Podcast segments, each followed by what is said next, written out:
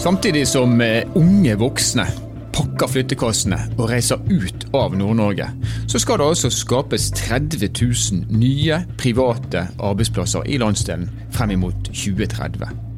Hvor skal disse jobbene skapes, og hvem skal ta de?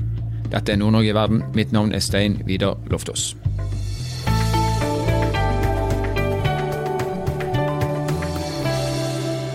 Under eh, Arendalsuken i august så ble altså den aller første Nord-Norge-dagen arrangert.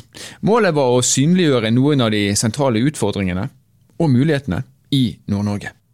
Samfunnsløftet fra Sparebank1 Nord-Norge var en av arrangørene, sammen med Heia Nord-Norge, Corporate Communications, Energi i Nord, Torghatten, Aker Horizons, Green Age og Hurtigruten. I de tre neste episodene av Nord-Norge i verden så skal vi få høre lyd fra noen av arrangementene og samtalene under Nord-Norge-dagen, og i tillegg et arrangement som omhandler digital kriminalitet. Det første arrangementet tok for seg det store bildet. Mulighetene, utfordringene og ikke minst de store ambisjonene. Her er fiskeri- og havminister Bjørnar Skjæran og ordstyrer Kaja Tetling. Bjørnar Skjæran, det snakkes jo om noen av problemene i Nord-Norge. Men det vi jo skal høre om i dag, er alt det spennende som skjer. Men du kommer jo fra regjeringa, som eh, har eh, så vidt kommet i gang etter å bli valgt inn i fjor. Det vi lurer på for din side og deres side, hva er, hvis du skal si, muligheten med stor M for Nord-Norge, som dere ser og skal være med på nå fremover? Hva er den? Det handler om at eh, kanskje ingen regioner i verden har større muligheter i det som skjer akkurat nå. Eh, for nå eh, ser jeg jo rundt meg at det er ganske mange her som har trødd noen arbeidsdager i konferanseutsatt sektor. Og, og, det som, og, det som, har vært snakka om gjennom ganske mange år, det er de mulighetene som ligger i naturressursene, som ligger i energiindustri, det som ligger i sjømatområdet. Og akkurat nå ser vi der at det som har vært snakka om, det vi må klare å få til, det er faktisk mulig nå hvis vi bruker det aller, aller beste i norsk tradisjon, som handler om at myndigheter, næring, partene i arbeidslivet finner ihop og trekker i, i, samme retning. Vi ser, eh, vi ser at industrien og den internasjonale kapitalen ser imot nord det politiske grunnet til at det skjedde i Nord-Sverige før det skjedde i Nord-Norge, men nå ser de òg imot, uh, imot Nord-Norge. og uh, det er bare, vi, Jeg kunne nevnt mange eksempler. Det strekker seg fra Berlevåg egentlig til det spennende som skjer der, der det skal produseres hydrogen og ammoniakk, og ned til Mosjøen, der man har bygd en, en, vindpark til flere milliarder, og der Alcoa er ordentlig i siget, og der, der, det kommer til å komme flere industrietableringer. og ja, Jeg kunne nevnt Glomfjord, det som skjer der. De har nettopp fått fått Enova-midler for hydrogensatsing der. Um, og når ordføreren i Rana reiser land og strand rundt og snakker om eh, privat kapital på 17 milliarder som ble løst ut etter at vi fikk på plass en batteristrategi og Enova stilte opp, så går ordføreren i Narvik og bare trekker på smilebåndet og flirer hele veien til banken over sånne småpenger. Sånn at der skjer noe. På sjømatsektoren så setter, vi ny, eh, så setter vi ny rekord hver eneste måned. Vi har hatt den beste julien i historien når det gjelder norsk sjømat. Og her kommer det til å skje mer fremover. På villfisksida så er det jo selvsagt sånn at der er vi avhengig av hvordan fiskebestandene er, så jeg vil ikke spå den store veksten i volum fremover. Det tror jeg alle som eh, kan noe om norsk fiskerinæring skjønner. Men prisene har aldri vært så høye og holdt seg så lenge utover vinteren og våren som i år. Det sier noe om en knallsterk markedsposisjon. Veldig bra. Det var jo ikke bare én mulighet, men veldig mange. Det var én mulighet, det er det som skjer akkurat nå. veldig bra. Men uh, disse mulighetene du nå snakker om på sjømat og industri, om du skal, hva man skal si, om tre år når vi nærmer oss valget, og du skal oppsummere denne regjeringsperioden, og du skal si 'vi sa det, og vi gjorde det', hva er det som dere virkelig skal begynne dere meste på å gjøre for å realisere disse mulighetene? Nei, Det ene er at de, alle de industriprosjektene som vi kjenner, og som strekker seg helt fra Berlevåg og ned til trøndelagsgrensen, og vi har noen i sør òg, skal så mange som mulig av de, av de var pusha over målstreken. Det er det ene. Det andre er at vi har fått til Vi ser at eh, Hvitfiskindustrien begynner å se mer optimistisk på framtida, at vi får i gang investeringer der. Og det tredje er at vi eh, har fått tatt steg på det som handler om havbruk til havs, sånn at eh, havbruksnæringa kan fortsette å vokse på en helt annen måte enn de 1,5% vekst per år som vi har hatt de siste, det siste tiåret, faktisk. Sånn at eh, Det håper jeg at kan stå etter denne stortingsperioden, at vi har fått tatt de her stegene, at vi gjennom en aktiv næringspolitikk har, har løst ut det potensialet som ligger der. Og om vi ikke klarer det i løpet av de her fire årene, så skal resultatet over tid være at det som nå har vært sammenhengende befolkningsnedgang i, i, skal vi si to eller tre nordnorske fylker i, i seks år, er snudd til uh, ny vekst. Det går an, vi har gjort det før. Husk på at når Jonas Gahr Støre i 2005 lanserte nordområdene som den forrige rød-grønne sitt viktigste strategiske satsingsområde, i 2005, så tok det seks år. Så hadde vi befolkningsvekst i alle tre nordnorske fylker samtidig tre år på rad. For første gang siden 60-tallet. Det går an, men det kreves ganske mye for å komme dit, og du kommer ikke dit med en gang. Tusen takk for at du tok turen innom, eh, og ikke minst tok med deg det veldig fine nordnorske været her i Arendal. Det er fint. Tusen takk.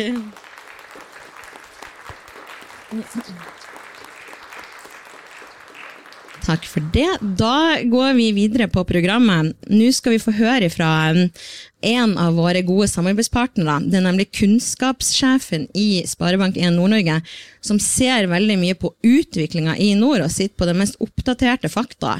Hvordan ser det store bildet ut både på folketallet, demograf, eh, demografien fremover og arbeidsplassene? Så hjertelig velkommen til Jeanette Gundersen fra Kunnskapsbanken. Takk, Kaja. Nå har jo egentlig han Bjørnar sagt nesten alt det jeg skulle si, men da er det jo fint med en liten repetisjon, iallfall. For jeg er så sykt glad for å være her i dag for å snakke om hva som skjer i Nord-Norge. For vi kan jo ikke bare snakke om nord i nord. Det er jo flere som er nødt å vite om mulighetens landsdel.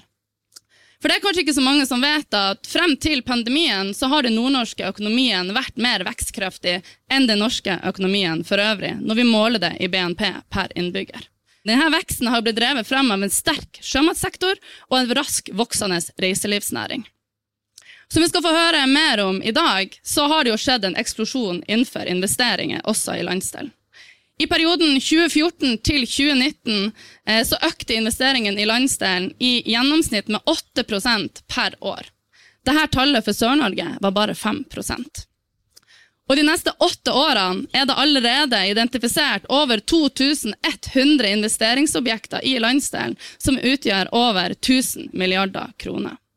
Det er 257 milliarder høyere enn investeringstellinga vi gjorde i 2019. Og så vet vi at tallet potensielt sett er høyere, for det er flere prosjekter som vi ikke har fått med oss, bl.a. i Narvik og i Mosjøen. Så er det jo heller ingen tvil om at verden har forandra seg dramatisk de siste årene. Vi ser at konsekvensene av klimakrisa er blitt tydeligere, og under pandemien så, så vi hvor sårbare vi er når produksjonen stopper opp og vi får forsinkelser i transportleddene. I tillegg så ser vi nå økende priser på innsatsfaktorer og det store utfordringer knytta til rekruttering. Men til og med med det bakteppet så har vi fantastiske muligheter i nord. Og det er jo nettopp kraft, sjømat og reiseliv som har størst potensial i landsdelen. For kraft er jo i dag et av vårt fremste konkurransefortrinn, med store investeringsmuligheter, men også med store investeringsbehov. Når jeg hører de her tallene og ser på alt som skal skje i Nord-Norge, så blir jeg enormt stolt. Og det håper jeg jo flere er med meg. Vi i Kunnskapsbanken har spurt de unge voksne mellom 18 og 34 år om de er stolt over landsdelen. Og det viser seg at de har en sterk tilknytning til Nord-Norge, som er sterkere enn byen og kommunen som de tilhører. Så kan man jo spørre seg, når de unge er så stolt over Nord-Norge, hvorfor drar de da? For selv om vi har mange muligheter, så er det som preger debatten, bortsett fra strømpriser, da, eh, at folk flytter fra landsdelen. Nå er det ikke noe nytt at folk flytter. Det har de gjort i alle tider. Og I 1996 hadde SSB en publikasjon om tappinga av Nord-Norge. Så hvorfor snakker vi egentlig om det at folk drar som en ny problemstilling? Det handler kanskje om at vi har hatt en eh, befolkningsvekst som har kommet som følge av arbeidsinnvandring. Og denne arbeidsinnvandringa har jo nå stoppa opp. Nå utgjør vi i Nord-Norge under 9% av Norges befolkning. Og da blir det veldig tydelig når det er veldig mange unge som forlater landsdelen. Og denne problemstillinga blir ytterligere forsterka når vi nå ser rekrutteringsutfordringene som vi har. Hele 66% av bedriftene i Nord-Norge sier at det er svært vanskelig eller vanskelig å rekruttere. Nå er jo ikke rekrutteringsutfordringen ei nordnorsk problemstilling eller ei norsk problemstilling. Men det er ingen tvil om at det er blitt viktigere å skille seg ut for å klare å rekruttere de riktige folkene. Men folkens, når det er så vanskelig å rekruttere, så kan vi jo ikke fortsette å gjøre ting sånn som vi alltid har gjort det før. For hvis vi ønsker at de unge skal bli i nord, så må vi faktisk ikke bare snakke om mulighetene som finnes, vi må jo også vise dem frem. For det er kanskje ikke så rart at folk ikke vet om mulighetene i landsdelen når kun 60% av jobbene lyses ut. Og de unge opplever i stor grad at det er avhengig av hvem du kjenner og hvem du er i slekt med når det kommer til arbeidsmuligheter. Og når kun 26% av unge voksne mellom 18 og 34 år sier at det å jobbe i nord gir gode karrieremuligheter, så er vi faktisk alt nødt å ta grep. Og de unge har vært tydelige til oss. De sier at vi er nødt til å ha et åpent og inkluderende arbeidsliv. Vi må sikre at det finnes møteplasser, og vi må sikre et godt tjenestetilbud. For er det én ting vi nordlendinger er spesielt gode på, så er det jo å snakke. Uheldigvis er det mest baksnakking og nedsnakking istedenfor fremsnakking. Så når vi er her i dag for å snakke om mulighetene, så håper jeg at når dere drar hjem fra Arendal full av eh, kunnskap og nye inntrykk, at dere bruker den kunnskapen dere har fått, og slutter å snakke, men faktisk talt beveger seg fra ord til handling. Takk for meg. Tusen, tusen takk, Jeanette. Så blir jo spørsmålet da, hvordan skal Nord-Norge klare å tiltrekke seg kompetente mennesker? En av de aller viktigste aktørene er Universitetet i Tromsø, Norges arktiske universitet. Men hvordan jobber egentlig universitetet med privat næringsliv? Her er rektor Dag Rune Olsen i samtale med Kaja Tetli. Hva er de konkrete kompetansebehovene som dere ser i dag? Og ikke minst, hvordan skal dere hjelpe til med å møte dem? Jeg skal dele svaret mitt litt inn i forskjellige eh, segmenter. Det første som jeg ikke bruker mye tid på, det er at det er kontinuerlig behov for helsepersonell og lærere. Det er behov for kunnskap og kompetanse om hvordan vi kan bidra til å omstille offentlig sektor, kommunene, hjelpe de i utviklingen av tjenesteytelser, og hvordan du skal strukturere eh, det. Så det arbeider vi også med, naturligvis. Så eh, er det det som har med privat sektor å gjøre i større grad. Eh, der ser vi jo at eh, det er utrolig mye spennende som pågår industrialiseringsmessig sett i Nord-Norge. Ja, det har vært eh, mye eh, knytta til råvareutnyttelse fra havet, som handler om, om, fisk, det handler om olje og gass, og nå får vi også landbasert, ressurs, landbasert industri, som i stor grad er tufta på gamle industritradisjoner som, som Nord-Norge også har, og da ta i bruk naturressursen kraft. Jeg har lyst til å si at alt som handler om ressurs, ressursbaserte næringer, er et fortrinn for oss. Men vi må ta ut maksimalt av det som kan representere verdiskaping. og Da må vi knytte, eh, koble kunnskap, kompetanse, teknologi på toppen av det. Ellers så blir vi en råvarebasert leverandør til andre som kommer til å tjene de store pengene. Det må vi jo radikalt slutte med. Det krever utdanning. og Da ser vi at eh, teknologiutdanninger er kjempeviktig. Og så ser vi at et stort etterslep, men også behov for nye eh, folk med solid kunnskap innenfor digitalisering. Da er det alt fra koding, fra tung matematisk innsats til, til cybersecurity osv. Det markedet er nærmest uh, umettelig, og derfor etablerer vi nye studietilbud sær, særskilt på det. Og så har jeg lyst til å si at uh, Nå hørte vi fra Kirkenes eller Øst-Finnmark. Der er vi også uh, veldig tydelige på banen og prøver å, vi har i hvert fall, hvert fall skissert tiltakspakke som vi mener er viktig for omstilling av Øst-Finnmark. Ja, i lys av den krisen som er der, men også fordi at vi trenger omstilling eh, skal vi være konkurransedyktige, attraktive på sikt. Så er det slik da, at eh, Noe av det som vi eh, går i gang med nå Vi har nettopp laga en ny strategi for, for, UiT, Norges arktiske universitet.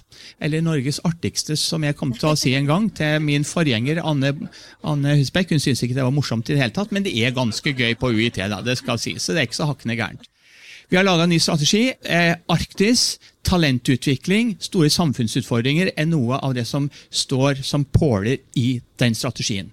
Og Det vi går i gang med nå på utdanningssida, det er å se på hvordan operasjonaliserer vi eh, fleksibel utdanning. Vi har et utrolig godt utgangspunkt med hensyn på at vi er til stede på elleve forskjellige plasser i Nord-Norge. Vil Si at vi er mye nærmere der verdiskaping der arbeidsplassene er, enn inne på Breivika hovedcampus eh, i, i Tromsø.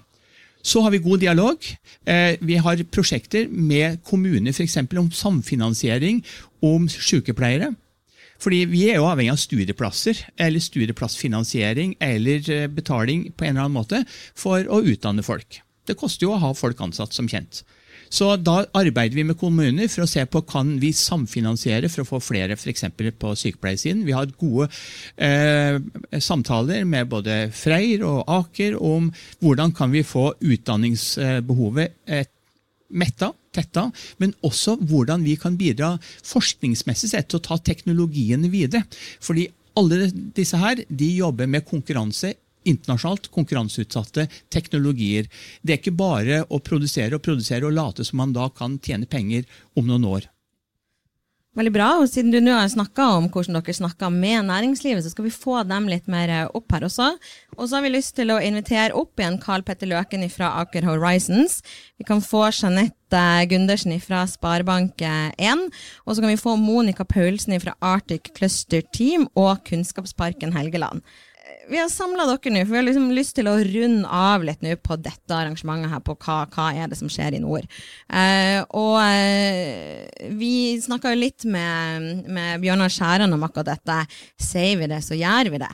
Og du Jeanette, du var jo inne på dette med fra ord til handling, og det er du veldig glad i å si. Eh, og det vi har sinnssykt mye kunnskap, eh, det er masse gode aktører her ute. Og hvordan, hva er det liksom helt konkret du tenker på som du etterlyser av denne konkrete handlinga? Hva vil du skal skje nå? Nei, jeg tror først og fremst at vi ikke blir flere folk i nord om å snakke om at alle flytter herifra. Eh, så det er jo noe vi kanskje kan slutte med. Eh, men det, vi har jo spurt de unge voksne hva som er viktig for dem når det kommer til valg av arbeidsgiver osv., og, så og det er jo bekymringsfullt når kun 26% av de unge voksne sier at det finnes gode karrieremuligheter i Nord-Norge. Da er vi jo nødt til å gjøre noe konkret. Og noe konkret er jo f.eks.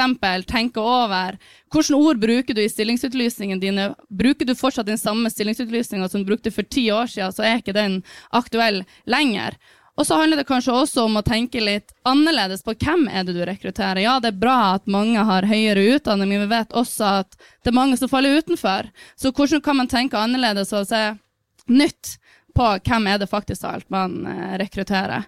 Eh, og vi vet jo Sommerjobb er jo en av de første veiene inn i arbeidsmarkedet. Så det å faktisk lyse ut og synliggjøre sommerjobber også, sånn som vi gjorde nå sammen med LO og NHO, der vi hadde eh, 1300 sommerjobber som ble utlyst sammen med arbeidsgiverne i Nord-Norge, det er jo også en måte å vise mulighetene som finnes. Så lys ut sommerjobbene også, og ikke bare la dem gå til venner og bekjente.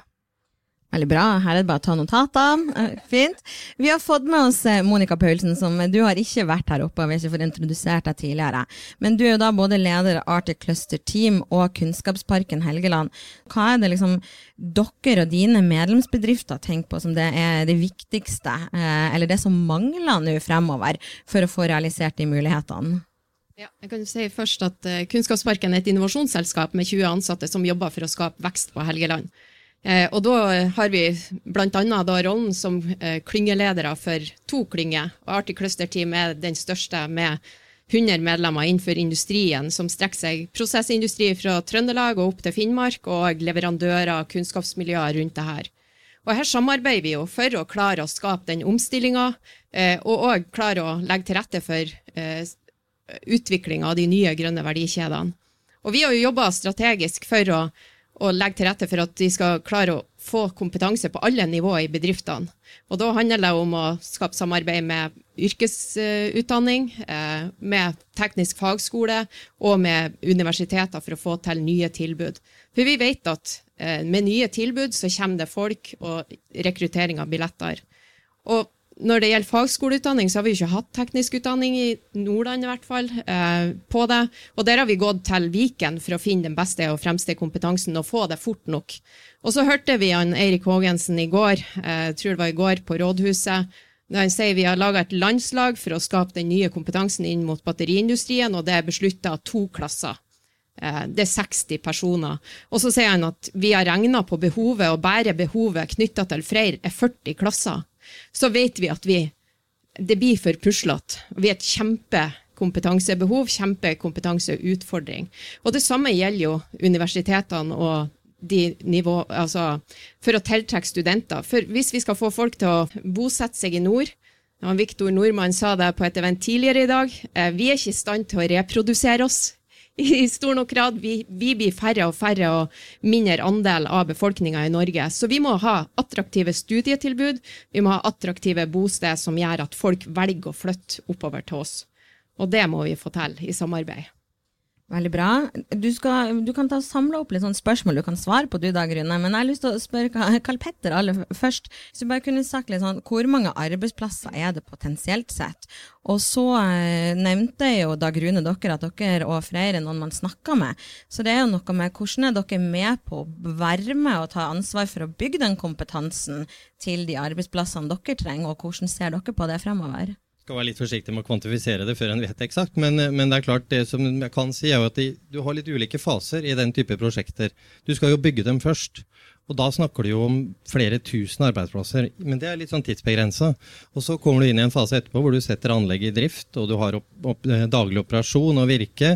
Og i den settingen så har vi jo inngått et samarbeid med, med UiT, da, eller fakultetet i, i Narvik, i, nettopp med tanke på å etablere den kompetansen vi vet vi kommer til å mangle når vi skal drifte disse anleggene. Og Der må vi bruke litt tid sammen med universitetet for å finne ut av hvordan vi kan påvirke bachelor-, mastergrader, for, å, for at vi òg kan dra nytte av det da, da, senere. Men det er klart vi, som sagt, det er enormt kompetansegap. bare for å ta det, Når vi snakker om grønt jern, bare for å ta det, det er egentlig teknologi som i dag ikke finnes. Eh, grønt jern er, betyr at du, du, erstatter egentlig karbon som tilsatsfaktor inn i jernoksid. Og når du binder C med O, så får du CO2, ikke sant? store utslipp. Det vi ønsker å gjøre, er å erstatte karbonet med hydrogen. Og knytte det hydrogenet til oksygenet. Da får du H2, det er vann altså nullutslipp. Men der er ikke teknologien i dag. Men Vi ønsker å bevege oss dit så fort som mulig. Men vi må nok starte litt i den andre enden, hvor vi bruker litt karbon. Men der har nettopp universitetet en rolle å spille ikke sant? i forhold til å få til dette her, og bidra til at det utvikles så fort som mulig. Og ikke minst ha den kompetansen når anlegget er i drift. For dette er storindustri, og du må ha anlegget i drift 24-7, ellers så taper du penger og taper konkurranse. Så det er litt sånn eksempler, men veldig mange arbeidsplasser. Enormt mange arbeidsplasser i en byggefase. Litt færre selvfølgelig når du drifter anleggene, men da har du gjerne den spesialkompetansen som du trenger for å holde anlegget oppe så mye som mulig. Og det samarbeidet dere har med UiT nå, går det ut på liksom å bygge opp noen konkrete linjer, eller er det å støtte altså, si, innovasjonslaboratorium, eller hva, hva, hva, som ligger i det? Det kan ligge veldig mye forskjellig. Det er det jeg egentlig prøver kanskje å antyde, at her ligger det et mulighetsrom som også er litt opp til universitetet å gripe. Det er jo ikke nødvendigvis vi som bare skal finne opp dette, det må vi finne ut i fellesskap hva som er mest fornuftig å satse på. Men at det ligger et mulighetsrom der, det er helt sikkert, og at det er et kompetansegap der, det er det også. Hva du tenker da, Grunne? Nå skal ikke du få ansvaret for alt fra videregående fagskole til universitetssektoren, men siden du på en måte representerer kunnskapssektoren her, eh, de tingene som Monica er inne på, eh, hva tenker du om det? Jeg tenker vel at eh, det å sette seg ned og samarbeide og få en tydelig dialog med henblikk på å finne ut hva er det vi egentlig trenger, det er jo det aller viktigste. Så må vi få forpliktende samarbeid. For jeg, som jeg sa, det er, jo, det er, jo, ikke sånn at vi sitter og pøser penger eh, eller trykker penger slik at vi kan lage nye studier osv. Vi kan jo legge ned noe, men det pleier å prøve å legge ned f.eks. sykepleierutdanning er utrolig upopulært. Så vi må finne andre måter å øke også vår verdiskaping på. Så det er samarbeidsrelasjoner. Men det som er veldig fint med Nord-Norge, det er at med, med utgangspunkt i de elleve plassene som vi er til stede på i Nord-Norge, så kan vi se, altså, være mye tettere på det næringslivet, det arbeidslivet, som er relevant for utdanningene våre også, og vi for de. Det betyr at det ligger mye bedre til rette for forpliktende samarbeid. Men det må være forpliktende samarbeid. Nå har vi en overordnet samarbeidsavtale. Den blir konkretisert, og vi finner ut hva det skal inneholde. Det skal naturligvis handle om utdanning, men det som, eh, som Karl Petter Løkken tar tak i, som er også veldig spennende, det er å du skal utvikle teknologi. for det, altså Vi må komme bort folkens, fra en tenkning om at vi utdanner til et såkalt kunnskapshull. Vi skal ha medarbeidere som skal dytte inn en jobb du skal gjøre i morgen, og så er vi ferdig. Hvis det er slik at en, man ser på kunnskap og kompetanse som en statisk størrelse som ikke eh, utvikler seg, så har vi jo tapt i utgangspunktet. Vi skal ikke bare utdanne folk som kan fylle de jobbene du har behov for når eh, fabrikken din starter og ruller og går. Vi skal utdanne folk som kan drive endringer, som kan være de som forårsaker disrupsjon osv. Og Det er jo bare sånn at eh, din type bedrift og mange andre bedrifter kan være internasjonalt konkurransedyktig. Og Da er samarbeidet med forskere og forskning ekstremt viktig. Så det må vi også få til. Og så tenker jeg at eh, det er jo ikke helt håpløst å trekke arbeidskraft til Nord-Norge. Min egen institusjon er også en arbeidsplass. UiT har eh, en fjerdedel som, av de ansatte som ikke har norsk pass. Og de er jo ikke født i Nord-Norge uten norsk pass. De kommer jo fra et sted. Og hvorfor gjør de det? Jo, for vi er en interessant arbeidsplass. Er, de kan få utvikle seg, det er, det er faglig spennende, så vi må gjøre oss lekre. Og så er det naturligvis sånn at kommune, og det er jo ordfører til stede her, så jeg snakker jo litt til dere, og dere gjør jo en kjempeflott jobb, eh, Rune, i Narvik f.eks. Eh, legg til rette, det er flere her, eh, som legger til rette for at man kan ta imot folk. Det må være bolyst, det har vi snakka om mye. Det må være eh, helsetjeneste, skole osv. Så, så, videre. så det er, det er, jo en, sånn pakke som må være på plass for arbeidstakere. De er kresne. Og litt til det, det, du var inne på. Vi har jo vært sammen og diskutert det her tidligere, og, og vi har begge vært til stede og snakka med unge, relativt nyutdanna, som har flytta sørover fordi de visste ikke at det var karrieremuligheter. Vi må gjøre oss lekre. Da lykkes vi. Et av eh, mange sentrale og viktige tema som ble diskutert under Arendalsuka, fikk vi der, altså. Nord-Norge i verden er en podkastserie som er laga av Sparebank1 Nord-Norge i samarbeid med Helt Digital. Musikken du har hørt er laga av eh, Emil Karlsen. Mitt navn er Stein Vidar Loftaas. Vi høres igjen i neste episode.